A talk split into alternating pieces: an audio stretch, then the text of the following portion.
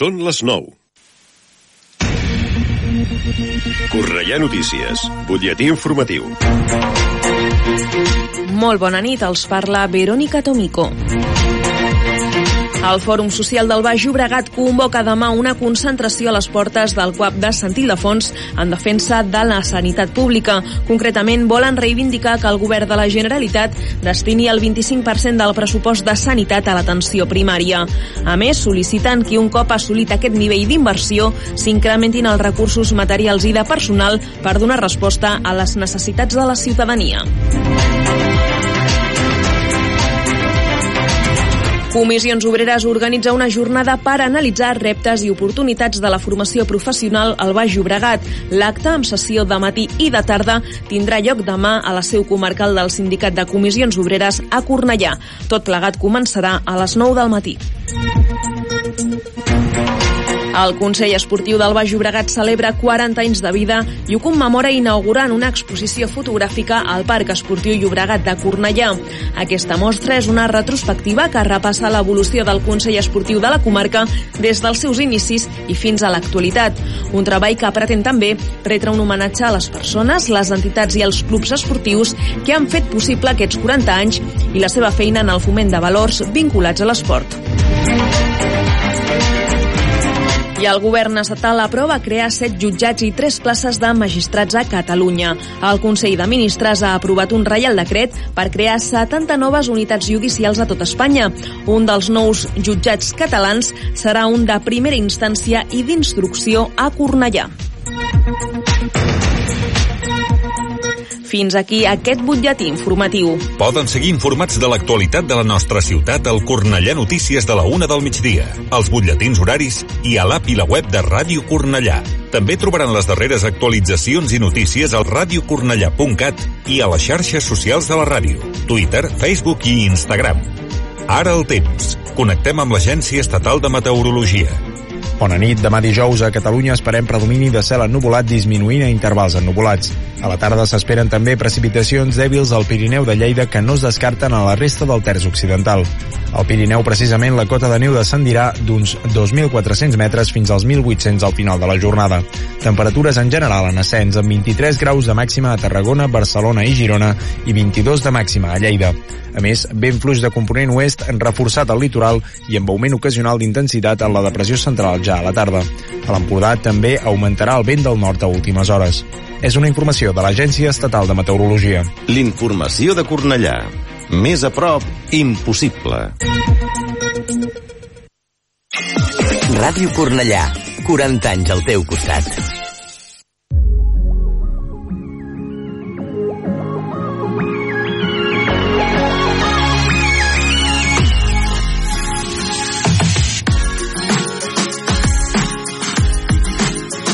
Ara comença Let's Go Creu Roja, mitja lluna roja i cristal roig, amb el patrocini de Conxoreria Montserrat.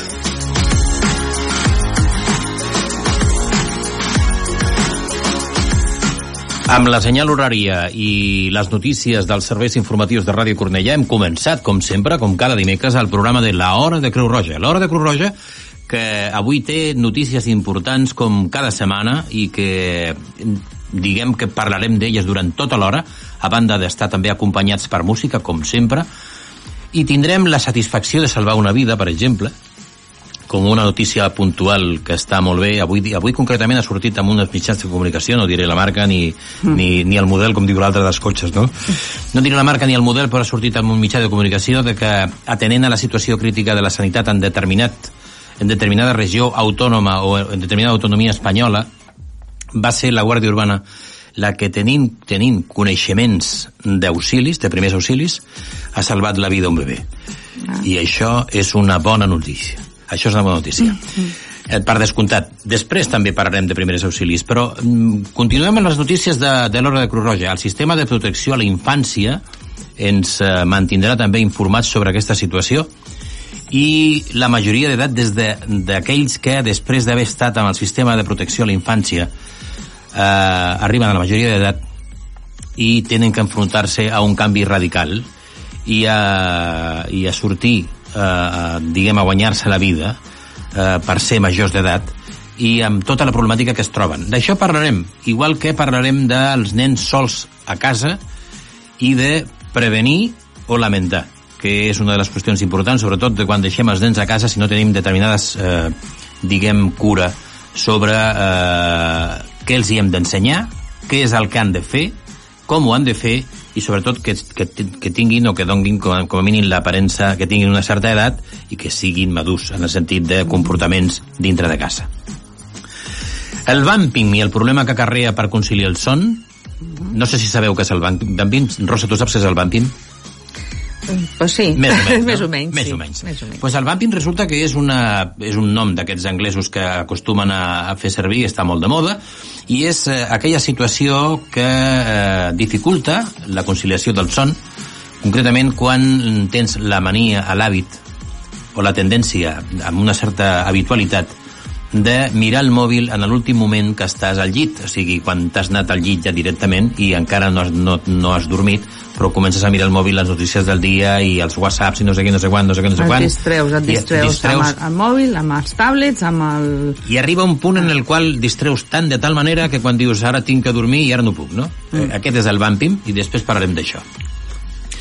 Olga Giorgi, la nostra companya de producció, que sempre es parla de les endivinalles eh, i les seves endivinalles, avui tindrà la seva presència. Recordeu que la setmana passada vam donar la primera endivinalla, heu d'encertar, heu d'encertar exactament quina és la solució i, i també heu de tenir en compte el telèfon per contestar la solució d'aquesta endivinalla, que és el 666 88 88 21. Recordeu, 666 88 88 21.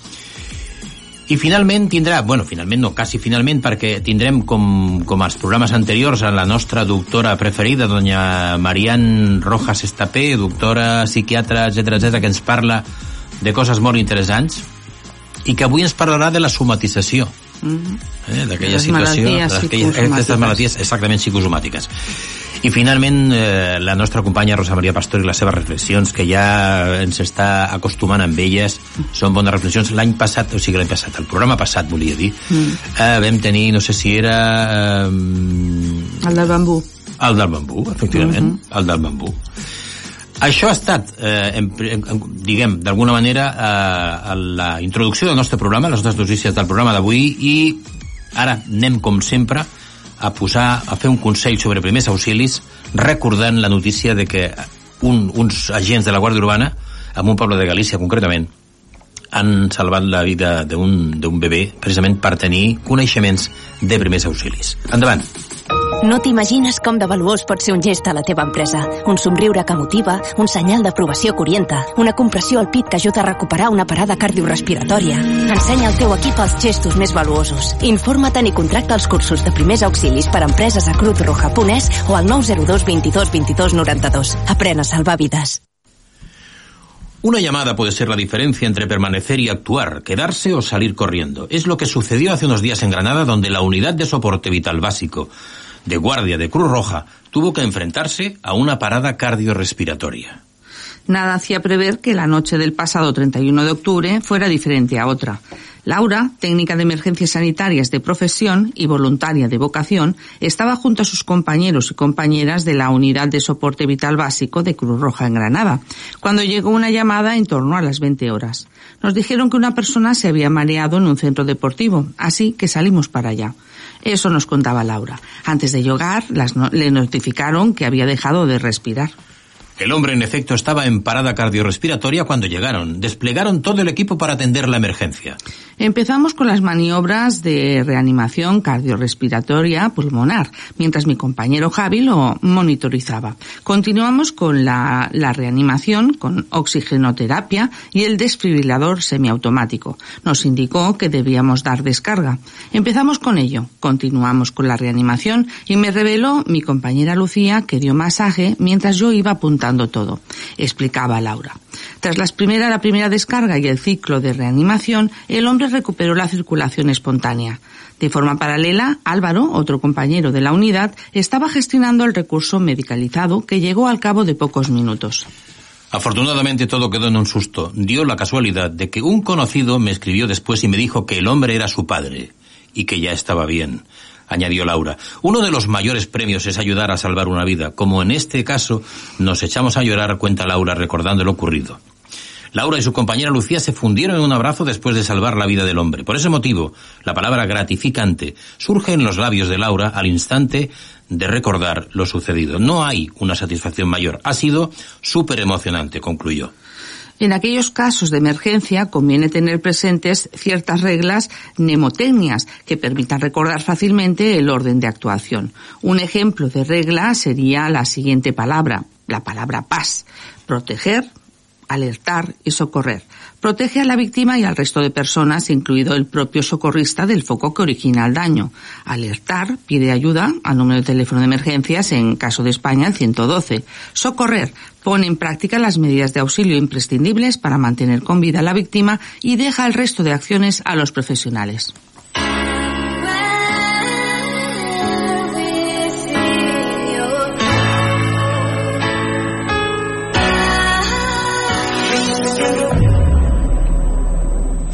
De repente ocurre y tú testigo de la situación, un señor que se desploma y piensas que es su corazón. Nadie en la escena, así que toca pasar a la acción. No hay más opción, tú eres su salvación. Yo, el tiempo corre y su vida pende de un hilo. No sabes qué hacer, presta atención a lo que digo. Uno, acércate y comprueba. Inconsciente, no respira, mantente tranquilo, pide ayuda, llama a la ambulancia y dilo. Corre, activa un DEA y que por favor presten auxilio.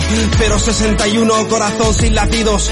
Mira bien tus manos porque ya son su destino. Dos, llegó tu hora. Uno, dos, tres, el movimiento. Así hasta 30 veces tú solo sigue insistiendo. Y ahora el boca a boca y dale oxígeno a su cuerpo. Tres. Esta parte es vital, lo estás haciendo bien, vamos, le vas a salvar. Sabes cómo hacerlo y se lo vas a demostrar, porque has visto que es fácil, solo tienes que aguantar. Tenga mano un es decir, desfibrilador, el arma final para poder ser su salvador. Ábrelo y escúchalo, él te dirá qué hacer y los pasos a seguir y cómo debes responder. Dos, tres, el movimiento. Uno, dos, tres, puedes hacerlo. Así hasta 30 veces tú solo sigue insistiendo. Y ahora el boca a boca y dale oxígeno a su cuerpo. Uno, dos, tres, el movimiento. Así hasta 30 veces tú solo sigue insistiendo. Y ahora el boca a boca y dale oxígeno a su cuerpo y respira. Su corazón está latiendo.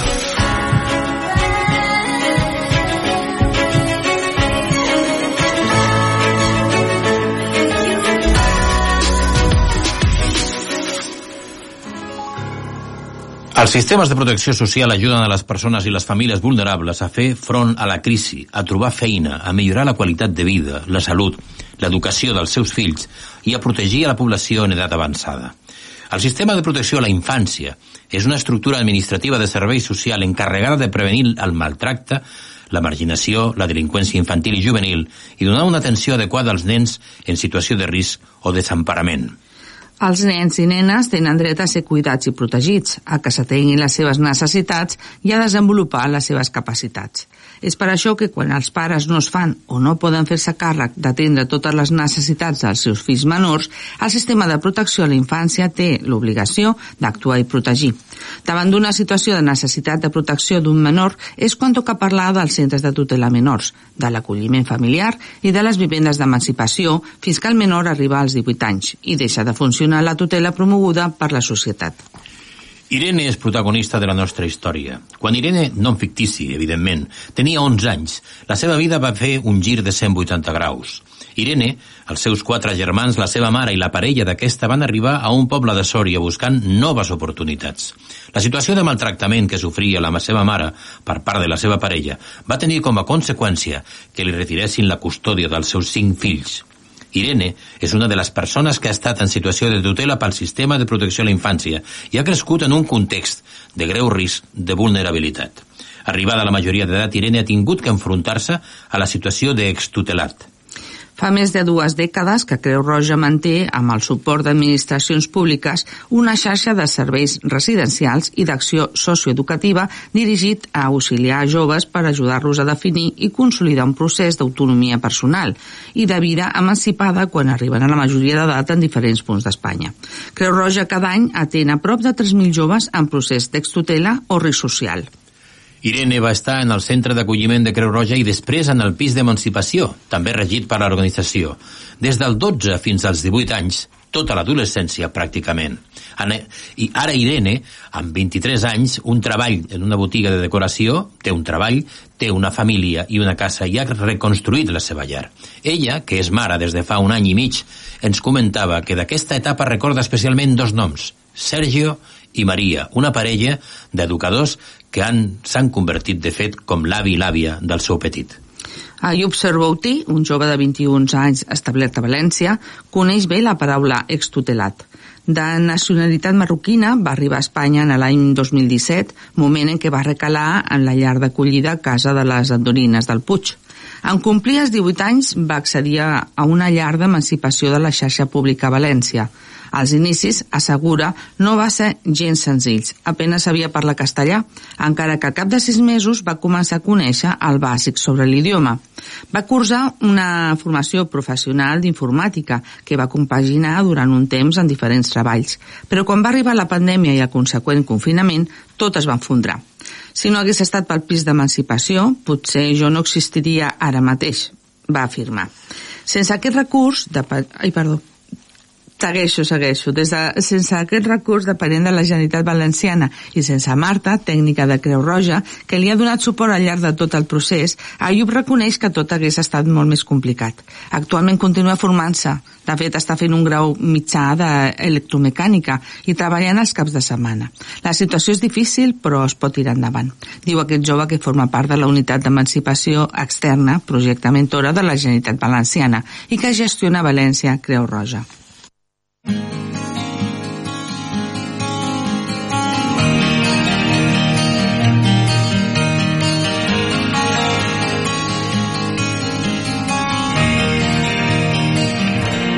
Torno a casa, torno a casa, navegant sol per un mar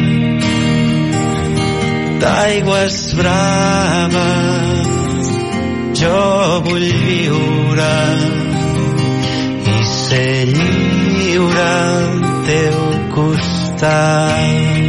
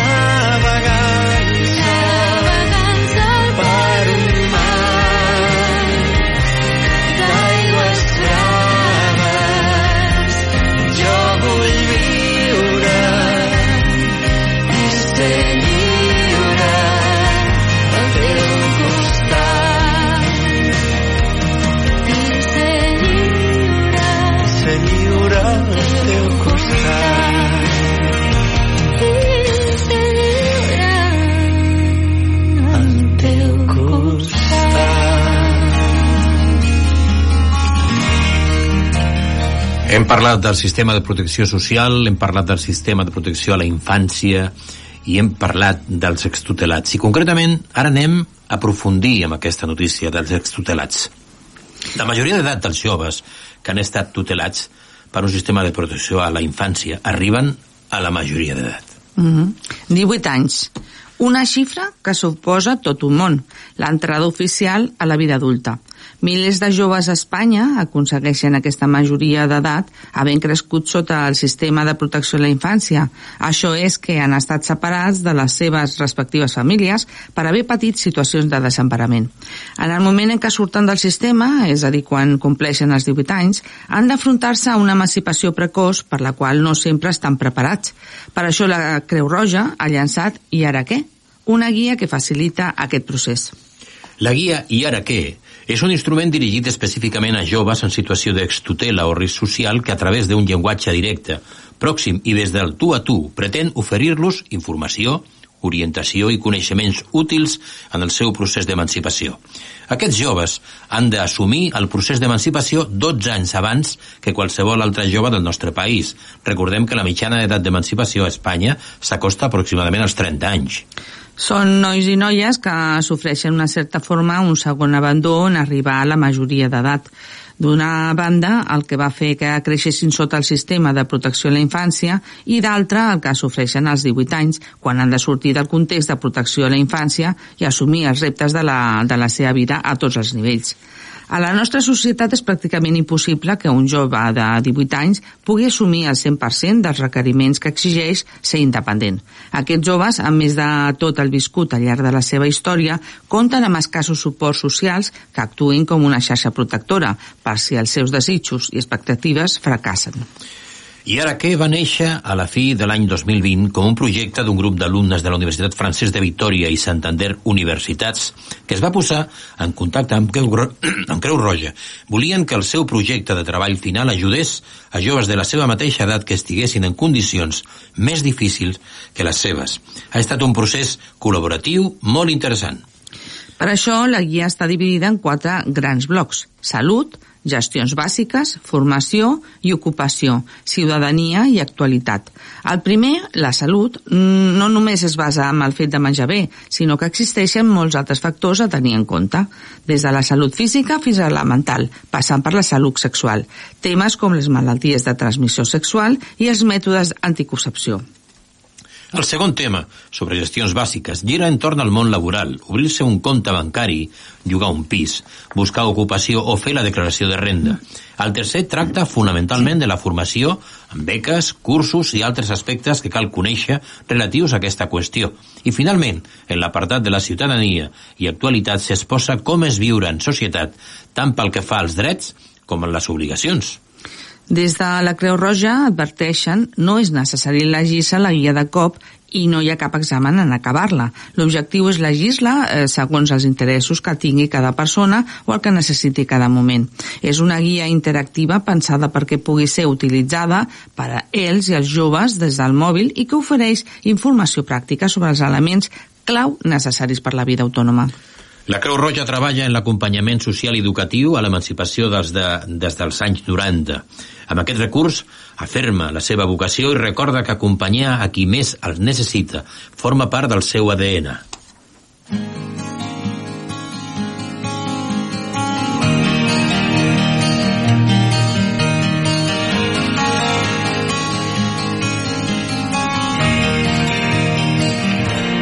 Torno a casa, torno a casa, navegant sol per un mar d'aigües braves. Jo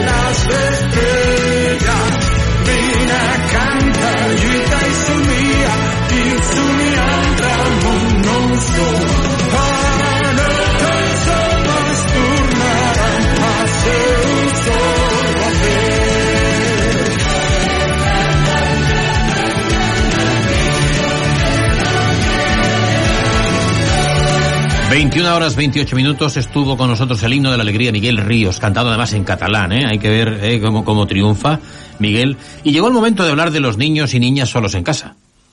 Hace años yo recuerdo que los niños estaban la mayor parte del tiempo en la calle. Ahora como estamos en la ciudad, y me refiero en el ámbito rural, ¿eh? ahora como estamos en, en el ámbito de la, de la urbe y demás, y hay mucho riesgo, y etcétera, etcétera, los niños están más en casa. ¿eh? Y, y ese es el Sí. problema. Pues sí.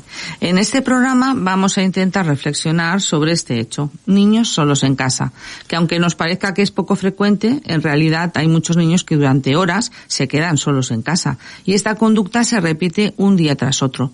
La repetición de una conducta arriesgada que no tiene consecuencias negativas puede llegar a proporcionar una apariencia de normalidad, lo que hace que esta conducta se repita sin ningún tipo de preocupación ni inquietud. A veces por cuestiones laborales o bien por ocio se deja a los niños solos en casa. En principio, es difícil determinar a qué edad se puede dejar a un niño solo en casa.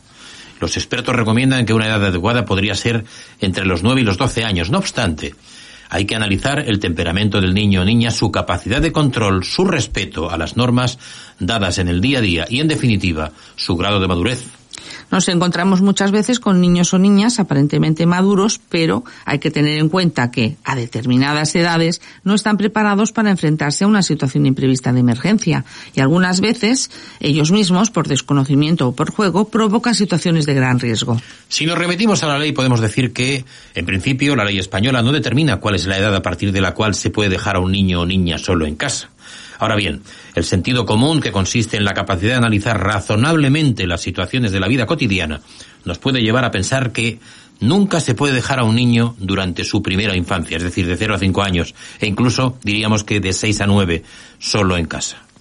Nuestro Código Civil, en su artículo 172, nos habla del desamparo de los menores y considera como situación de desamparo la que se produce de hecho a causa del incumplimiento o del imposible o inadecuado ejercicio de los deberes de protección establecidos por las leyes para la guarda de los menores, cuando estos quedan privados de la necesaria asistencia moral o material. Sin embargo, nos vamos a permitir decir que no puede confundirse la situación de riesgo con la de desamparo. Para determinar si unos padres o tutores legales han incurrido en desamparo de sus hijos al dejarlos solos en casa sin ningún tipo de supervisión, habrá que analizar cada caso en particular. En los casos de desprotección hay que valorar su gravedad para determinar si constituye una situación de riesgo leve, riesgo moderado o bien riesgo grave o desamparo. Lógicamente, para poder analizar estas situaciones deberá haber una denuncia previa por parte de quien tenga conocimiento del hecho en concreto y considere que existe algún tipo de negligencia. En un principio, deberá comunicar a los servicios sociales del municipio para que estos puedan valorar la situación e iniciar las actuaciones pertinentes si conviene. Dicho todo esto, consideramos que si el niño o niña se encuentra en una edad recomendable para poder dejarlo solo en casa a partir de los 10, 11 o 12 años y lo vemos con capacidad y madurez suficiente, es muy oportuno hacer un trabajo previo, ya que cada niño tiene un sentido de la responsabilidad diferente. Aquí os vamos a dar una serie de recomendaciones que creemos pues, pueden ser de utilidad. Dejar muy claro que no hay que abrir la puerta a desconocidos. Dejarles siempre un teléfono a mano. Si la estancia fuera de casa va a ser prolongada en horas y los padres o tutores tienen móvil o teléfono con identificación de número, es necesario que los niños lo conozcan. También es conveniente que tengan el teléfono de algún familiar y vecino de confianza. Es muy recomendable que los padres o tutores llamen a los niños de vez en cuando para comprobar cuál es su situación y darles una cierta tranquilidad. Si el teléfono que llama a casa es de un número desconocido, es mejor que no lo cojan. Ya llamarán en otro momento. Si por cualquier motivo o por impulso cogen el teléfono, es necesario haberlo seleccionado con anterioridad para que no den ningún tipo de información a extraños. Su nombre, nombre de los padres, domicilio, etcétera, y que en ningún caso deben decir que se encuentran solos en casa. Deben saber cómo se utilizan las cerraduras de puertas y ventanas de la casa para que en caso de emergencia puedan salir o pedir ayuda. No obstante, hay que advertirles de los riesgos de las ventanas, balcones y terrazas para prevenir lesiones o accidentes graves por caídas. Si tienen un sistema de alarma deben, deben conocer todas las instrucciones del manejo de la misma. Avisarles de los riesgos que corren si juegan con la electricidad y con elementos inflamables, como son los mecheros, las cerillas. En fin, es mejor recomendarles que no enciendan el gas. Si tienen que calentar algún alimento, que lo hagan con el microondas. Se les deberá inculcar que no deben tomar ningún tipo de medicamento sin autorización de los padres o tutores. En caso de accidente, hay que inculcarles que deben llamar previamente al padre, madre o tutor legal o bien al 112, si es el caso lo que requiere. Y también deben saber qué datos deben proporcionar al servicio de emergencia. Los niños y las niñas también deben saber dónde está el botiquín de casa y por tanto deben conocer por adelantado para qué sirve y qué contiene. Se les deberá explicar cómo utilizar los elementos más básicos como las tiritas, las gasas, el esparadrapo, el agua oxigenada y también habrá que advertirles que solamente lo utilizarán para heridas muy superficiales como arañazos, rozaduras o pequeñas punzaduras, etcétera. Si los niños van a estar solos durante bastante tiempo, intentar buscar la supervisión de algún vecino de confianza para que controle de vez en cuando la situación. Es necesario y conveniente preparar a los niños y las niñas para dejarlos solos en casa, ya que esta enseñanza, aprendizaje, les hará sentirse autosuficientes y les dará seguridad. Y por último, os queremos recordar ese refrán tan conocido que más vale prevenir que curar o que lamentar. Este refrán advierte que siempre es preferible tomar las precauciones necesarias para evitar una situación desagradable o indeseable que tener que vivirla.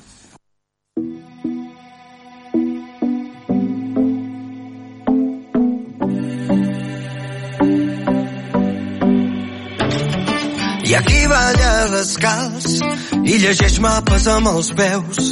Hi ha qui no plora, hi ha qui calla, hi ha qui té pànic a la batalla.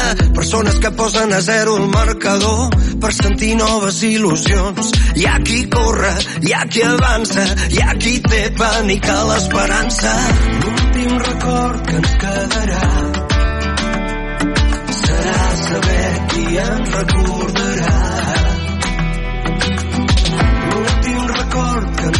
Quedarà la vida meravellosa i rica és la vida. Muntanyes de colors pintant el cel. I tu i jo, i tu i jo volem pels aires.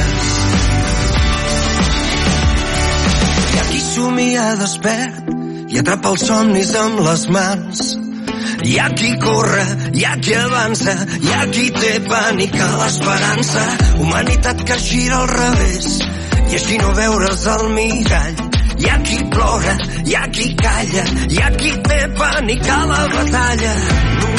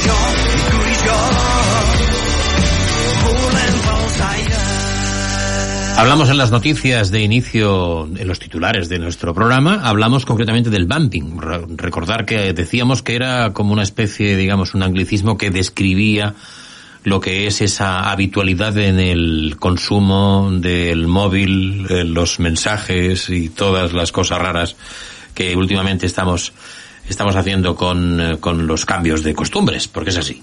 Irritabilidad, ansiedad, aumento de peso, fatiga, dolores musculares. Acostarse con el teléfono móvil trae muchos más problemas de los que podríamos pensar. Mandar unos cuantos mensajes por Instagram, coquetear en Tinder, ponerse al día de lo último de Netflix o simplemente revisar el correo electrónico, el perfil de las personas que sufren bumping, una conducta producida por el acortamiento de horas de sueño nocturnas al estar utilizando el teléfono, es muy variado y aunque parezca que no pase factura, puede suponer problemas a corto, medio y largo plazo a las personas que lo sufren. No es una adicción ni tampoco es una patología o una enfermedad, sino que es una conducta en la cual algunas personas entran en una espiral de consumo de teléfono móvil o de pantallas eleva, eleva duran- ay, elevada durante toda la noche. Aunque el acrónimo bumping obedezca al concepto vampir, vampiro, y texting, envío de mensajes de texto, no solo está ligado al simple envío de mensajes de texto, sino toda la serie de actividades que realizamos por la noche utilizando el teléfono móvil en horas de descanso. Por eso debe puntualizarse que no se trata de utilizar el teléfono mientras estamos en el sofá o en la mesa, sino de cuando trasladamos de noche el uso del teléfono móvil o de la tablet o del ordenador portátil a la cama. Cuando empezamos a utilizar el teléfono dentro de ella. Trastornos del sueño, bajo rendimiento, irritabilidad, cansancio, fatiga, cambios de peso. Esos riesgos de que lo último que hagamos al irnos a dormir sea permanecer con nuestro teléfono al lado y distraernos con él, robándole horas a nuestro descanso, puede jugarnos muy malas pasadas. El hecho más científico de lo que pueda parecer no está solo relacionado con la distracción que el teléfono supone, sino por las señales que estamos enviando a nuestro cerebro a la hora de dormir. Se genera un mensaje contradictorio para conciliar el sueño, pues todo lo nuestro, nuestro cuerpo se pone en un modo de descanso, mientras que nuestro cerebro empieza a recibir estímulos desde la pantalla del ordenador, de la tablet o del teléfono móvil. Estos aparatos electrónicos emiten una luz, no que no hay que confundir con la luz azul, que nos engañan, engañan más bien a nuestro cerebro. Es en ese momento cuando nuestro cerebro que se dispone a secretar melatonina para inducirnos al sueño, comprueba como estímulos lumínicos le invitan a no comenzar a producir esa hormona. La luz detiene esa producción y se retrasa el inicio del sueño, lo que a la postre también significa dormir menos horas. De hecho, es muy frecuente que esta conducta acabe también bautizada como insomnio tecnológico. Por desgracia, no es el único fenómeno de adicción tecnológica que puede perseguir tanto a jóvenes como a adultos. De hecho, otra de estas fobias habitual es la nomofobia, resumida en el miedo a estar sin teléfono móvil o sin dispositivo electrónico con conexión a Internet. Se generación, o esta generación, así, tiene una cierta paranoia y temor en el usuario que se ve protegido, de, quería decir desprotegido y desvalido sin su teléfono móvil. En ningún caso los dispositivos electrónicos deben convertirse en una especie de niñera para nuestros hijos a última hora del día. Aunque el banking puede afectar tanto a adultos como jóvenes o adolescentes, lo cierto es que diversos estudios apuntan como más endeble en la franja de edad entre los 12 y 17 años, donde más del 50% de los encuestados admiten utilizar smartphone antes de irse a dormir. Esta costumbre, que puede ser realizado a través de juegos o redes sociales, genera un círculo vicioso pues no solo afecta a uno de los participantes, sino que empieza a reiterarse de unos a otros. Además, contrariamente a lo que se piensa, el cerebro es el organismo de nuestros hijos. En el, en el organismo de nuestros hijos entre los 12 y los 20 años sigue estando en formación, momento en el que el descanso y el sueño son realmente fundamentales para su desarrollo orgánico. Si a ese desarrollo le restamos cada día una hora de media, producto de ese tiempo que se invierte en el bumping y en no dormir, comprobamos que se generan ciertos efectos más que diversos que pueden afectar la salud de nuestros hijos.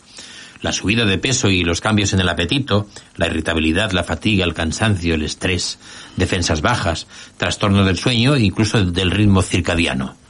Estos escenarios se suceden en los primeros estadios del bumping, pero la realidad es que pueden ir más allá y vincularse a otras adicciones en la tecnología, ya que también pueden generar ansiedad o depresión. Pues es muy habitual que ese tipo de fenómenos estén ligados a la espera de una respuesta por parte de la otra persona, que es lo que favorece es mantener en vela al usuario, creando una intranquilidad permanente en él. También no solo la salud mental debe preocuparse por este auge del, del bumping, sino también la propia salud física. A las causas antes mencionadas también debemos puntualizar que hay ciertas partes de nuestro cuerpo que van a sufrir especialmente con esta conducta. Nos referimos principalmente a la salud visual, ya que utilizar el teléfono más horas de la cuenta y hacerlo en entornos especialmente oscuros, sobre todo cuando nuestros ojos están demandando un momento con unas luces mucho más bajas y sin embargo ponemos la pantalla frente a ellos, aumenta la fatiga visual. Cuando esto sucede, también se incrementa el riesgo de sufrir problemas de visión. No en vano se estima que el 60% de los jóvenes españoles entre los 17 y los 27 años son miopes, siendo este defecto, el de la refracción, el más habitual en la sociedad española. Si a esta dinamita que ya de por sí está en el ambiente. Además, seguimos añadiendo más pólvora, como en cenas copiosas demasiado tardías, consumir alcohol a última hora del día, un exceso de estimulación, por ejemplo, café después de cenar, lo que estaremos consiguiendo será determinar de cargarnos nuestra higiene del sueño. Abuela.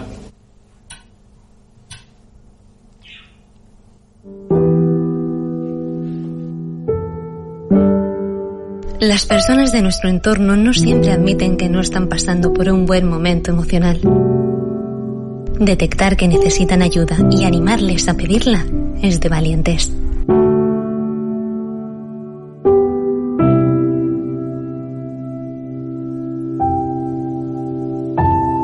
Llámanos 900 107 917.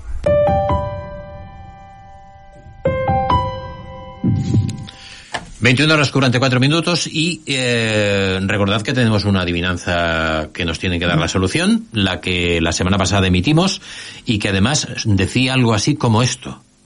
Entre defectos y dones para hinchar un almacén, yo tengo cuatro estaciones por las que no pasa el tren. Nuestra compañera Olga nos daba esa noticia, ustedes tienen que dar la solución.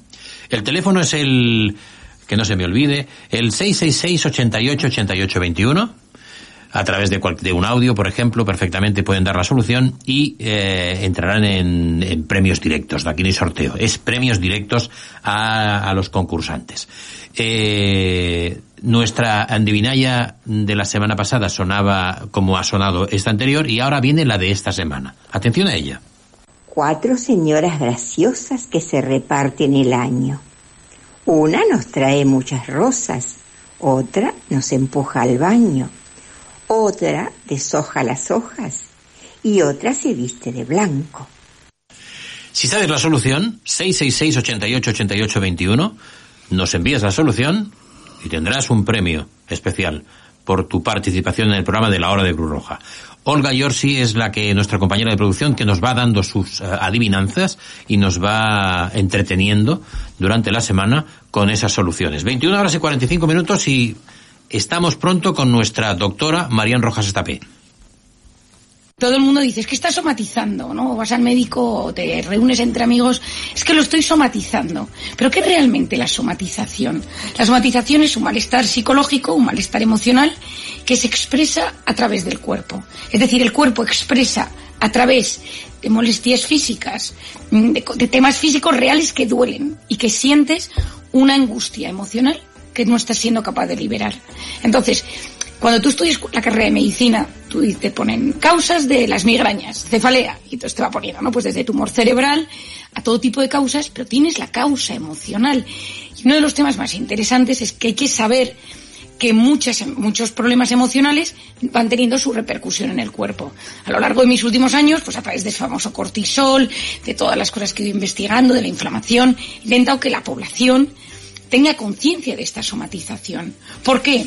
Porque cuando uno somatiza, uno empieza a ir de médico en médico. Es que tengo reflujo, de repente tengo vértigos, me duele la cabeza, se me hincha la tripa, se me inflaman las articulaciones, em, tengo pues eh, unos mareos inespecíficos. Es decir, hay una serie de mm, síntomas que suelen ser gastrointestinales, diarrea, estreñimiento, hinchazón, mm, sexuales, bajada de la libido, sequedad vaginal, mm, o cambios en la menstruación, respiratorios, me falta el aire, cardiológicos, eh, pues las taquicardias esas tan angustiosas, neurológicos, pues la cefalea, los dolores musculares, los desvanecimientos, los vértigos, los tinnitus. Es decir, los síntomas los conocemos bien y cada especialista sabe o debería saber cuáles son los síntomas de somatización porque muchos de estos pacientes recorren eh, médicos y hospitales durante años hasta que alguien les dice, es que estás somatizando, es que lo que tienes es que arreglar un tema emocional.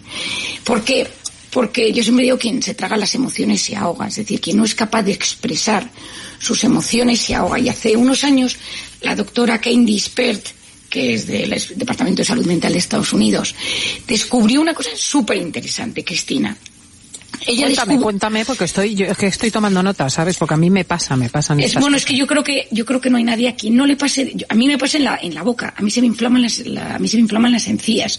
Y yo lo conozco, pero yo conozco gente que le sale, bueno, a la piel, que no lo he dicho, que es muy clásico. Las bueno, yo es que tengo una rosácea en la piel que ahora mismo está en su esplendor.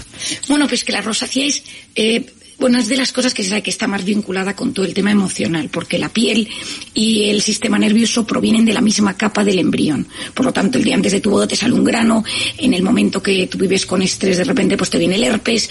Es decir, la piel es un gran, gran reflejo del alma de toda la vida y en, la rosácea, y ya no te digo con la mascarilla, se ha convertido en uno de los síntomas más frecuentes. Lo hablaba el otro día con una, con una dermatóloga muy amiga mía. Entonces, claro, lo interesante es saber que cada emoción activa la producción de unos neuropéptidos. Es decir, cada emoción activa, es como, te voy a explicar como si fuera para niños, cada emoción activa que las células que recorren la sangre se pongan contentas, tristes, enfadadas, frustradas. Es decir, nuestra emoción activa esas sustancias que ponen nuestra sangre, nuestro organismo en triste, en contento, en enfadado, en furioso, en alegre, en eufórico. Y esas moléculas tienen un impacto brutal en cómo nos sentimos. Entonces, los neurotransmisores, dice la doctora Pert, que a mí me encanta, dice los neurotransmisores llevan mensajes emocionales. Entonces, si tú de repente hay un estudio de la Universidad de Harvard de una persona que se está tomando un antibiótico, esa persona está triste y tú ves como las moléculas de la, de la, sangre no son iguales que si la persona se cree que el antibiótico le funciona. Es decir, hay un punto bioquímico real de cómo la emoción impacta en el cuerpo. Y así me meto en el mundo del cortisol, que los oyentes espero que estén hartos de oír hablar del cortisol. Sabemos que cada vez que tengo miedo, real o imaginario, estado de alerta, estado de incertidumbre, genero ese cortisol y esas emociones eh, activadas por el miedo a la incertidumbre deterioran el sistema inmune. Por lo tanto, me reparo peor. Y si yo tengo algo de vulnerabilidad en alguna parte de mi cuerpo, en ese momento empieza a dañarse. Y eso es somatizar. ¿Por qué a mí me resulta tan importante? Porque hay mucha gente, yo lo veo en consulta, que le dices, tomas algo, dicen, para las migrañas esto, para, las articulaciones esto, para la piel esto, para... Y dices, pero todo esto no será parte de un algo emocional que no estamos siendo capaces de captar. Y la gente sufre mucho, ya no te digo nada, pero Cristina, por ejemplo, con temas de fibromialgia, con temas de dolores crónicos, pero muchas veces la gente se piensa que, somatizar es inventarse el dolor. No, lo que pasa es que la pregunta es, en lugar de tomarte, eh, bueno, mm, el antibiótico para la rosácea, eh, el, protector de estómago para lo que sientes en el estómago, los analgésicos para los dolores, ¿qué puedes hacer? Bueno, lo primero es saber que el umbral de percepción de los estímulos físicos es más bajo en las personas que somatizan. Es lo que se llama amplificación somatosensorial. Es decir, la gente que tiende a somatizar y que ya ha entrado en ese circuito, las cosas le afectan más. Es decir, un disgusto pues tiene un impacto directo. Entonces, ¿qué digo yo a la gente? Lo primero de todo es decir, vamos a ver, esto que yo somatizo, pensemos en migrañas, a mí me pasa antes, durante o después del impacto. Es decir, es justo antes de ir a trabajar cuando tienes que ir presencialmente porque tu jefe no te gusta, es cuando estás trabajando o es el fin de semana cuando por fin te has relajado y sale la migraña. Suele ser la tercera. Suele ser cuando el organismo ha salido del modo alerta y entonces en ese momento, ¡pum!, sale. Has tenido una época de estrés y el herpes. Has tenido una época de mm, muchísimo malestar emocional por un conflicto con tu pareja y de repente pues notas que te duele todo el cuerpo y tienes eh, vértigos o tienes tinnitus, que es una cosa muy típica. Lo de los pitidos en el oído es una cosa muy angustiosa y que genera mucho malestar, ¿no? Lógicamente hay cosas físicas, es decir, hay veces que hay que ir a, o sea, lo primero que hay que hacer es ir a ver a un médico y que te diga, oye, pues esto puede ser por, por cualquier cosa, porque la, la, las enfermedades tienen un componente real. Sí, o sea que no podemos dejarnos despistar que a lo mejor realmente sí, hay algo detrás. Sí, pero sí. si tú ya has verificado que tienes una irritación de colon desde hace mucho tiempo, que tienes esta rosácea desde hace mucho tiempo, que tienes estos dolores articulares desde hace mucho tiempo, que tienes cefaleas desde hace mucho tiempo eh, y son inespecíficas, pues ahí tienes que pensar en otra cosa, ¿no? Ahí es cuando dices, me paro a pensar y digo, ¿desde cuándo tengo esto?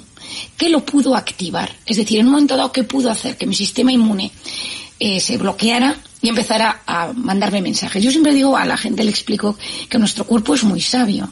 Y cuando ya no sabe cómo decirnos, esto te está afectando, esto te está afectando, esto te está afectando, te lanza señales a, través del cuerpo. Entonces, cuando tu cuerpo te constantemente pasas por tres infecciones de orina en un mes, cuando de repente tu piel está todo el día cambiando, cuando se te cae el pelo, la alopecia, que no lo he dicho, porque cuando tú estás en fases de estrés, el folículo piloso, que es el que se encarga de regenerar el, el, el pelo, cuando tú tienes miedo no le interesa nada que tú tengas un pelo brillante. Y entonces en ese momento se frena la producción de las sustancias que te reparan el pelo y se te empieza a caer el pelo a mechones. Mm. Es decir, que es decir, que cuando tu cuerpo te va avisando, lo primero es pararte a pensar, ¿no? Y decir, desde cuando me pasa esto, puede ser que yo haya activado mi organismo en modo alerta o que haya algo de mi día a día que yo no esté siendo capaz de gestionar. Y cuando yo me, me enfrento a eso, un miedo, una incertidumbre, una persona, eh, un pensamiento, un recuerdo, que de repente mi organismo me llame la atención. A ver, lo típico, Cristina, es que si tienes una cita romántica, pues tu, tu aparato intestinal te juega una mala pasada unos minutos antes. sí, y te da una cagalera. sí, efectivamente. Entonces, quiero decir, si eso sucede, que es súper típico, o un examen, pues imagínate con las cosas graves de la vida. Entonces, lo primero es pararnos a pensar y decir, ¿qué me duele y desde cuándo? Cuando me duelen 400 cosas distintas, y cuando de repente me duele la tripa, pero luego me duele el pie, pero luego la cabeza, pero luego tengo un vértigo, luego me mareo, y luego estoy inflamado, y luego es la tripa, es que claramente mi organismo me está diciendo, estás inflamado. Es el grado leve de inflamación que hoy en día sabemos que cuando lo gestionamos a base de temas mentales, de meditación, mindfulness, etcétera, o alimentación, o deporte y naturaleza, es decir, todas las cosas que me ayudan a salir del modo alerta, que es el que me inflama, pues ahí bajas un poco el, el, nivel de inflamación y los síntomas de repente desaparecen. Es que la gente de repente dice, ya me encuentro bien, ya no me duele nada de las 14 cosas que me dolían, ¿no? Ansiedad, insomnio, depresión. Llamar a las cosas por su nombre es de valientes. Pedir ayuda, si lo necesitas, también. Cruz Roja te escucha. Llámanos 900 107 917.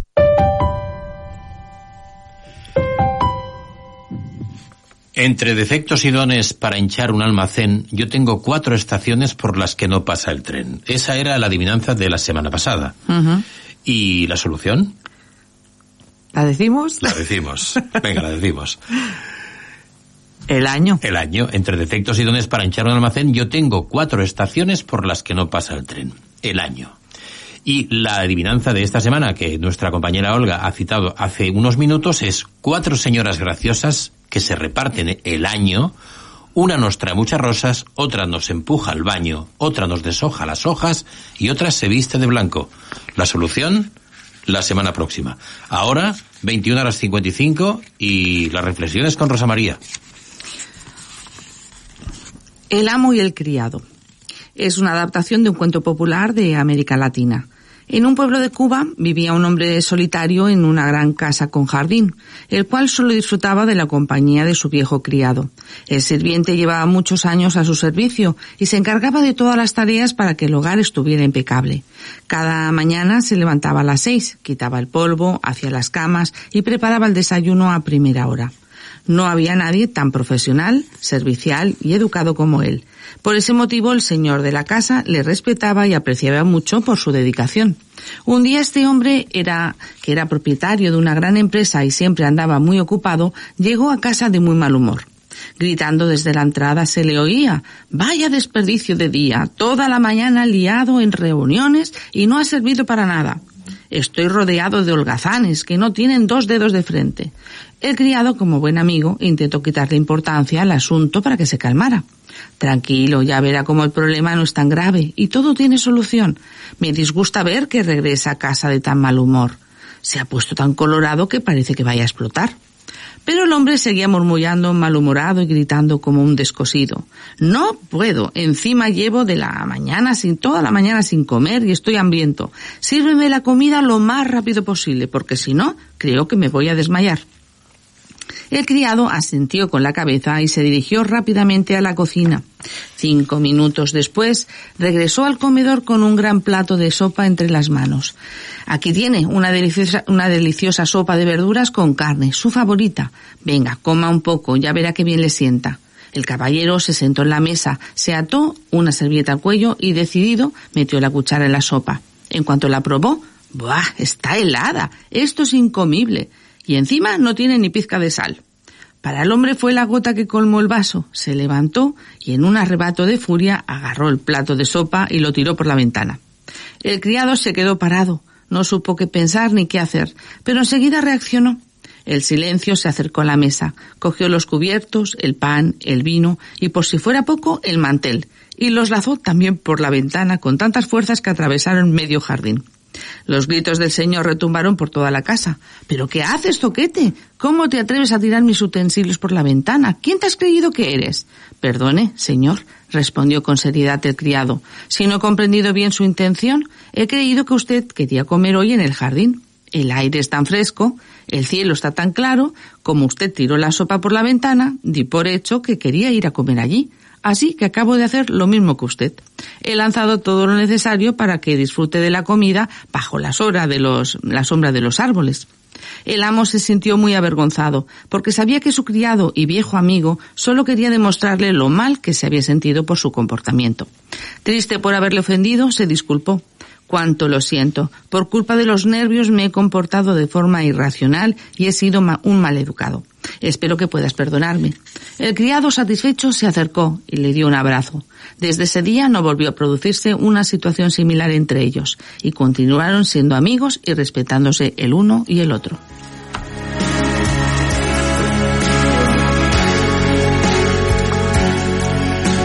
Hem arribat al punt final, Rosa Maria. Sí. Bona nit, moltes gràcies. Gràcies, Marc Fort, al control, moltes gràcies. Ens veiem la propera setmana a l'hora de Cruz Roja, dimecres, entre 9 i les 10 de la nit. Gràcies. Bona nit.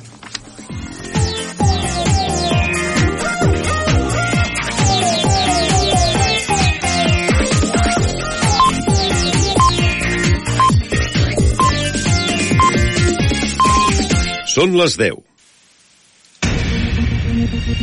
Correia Notícies, butlletí informatiu. Molt bona nit, els parla Verónica Tomico.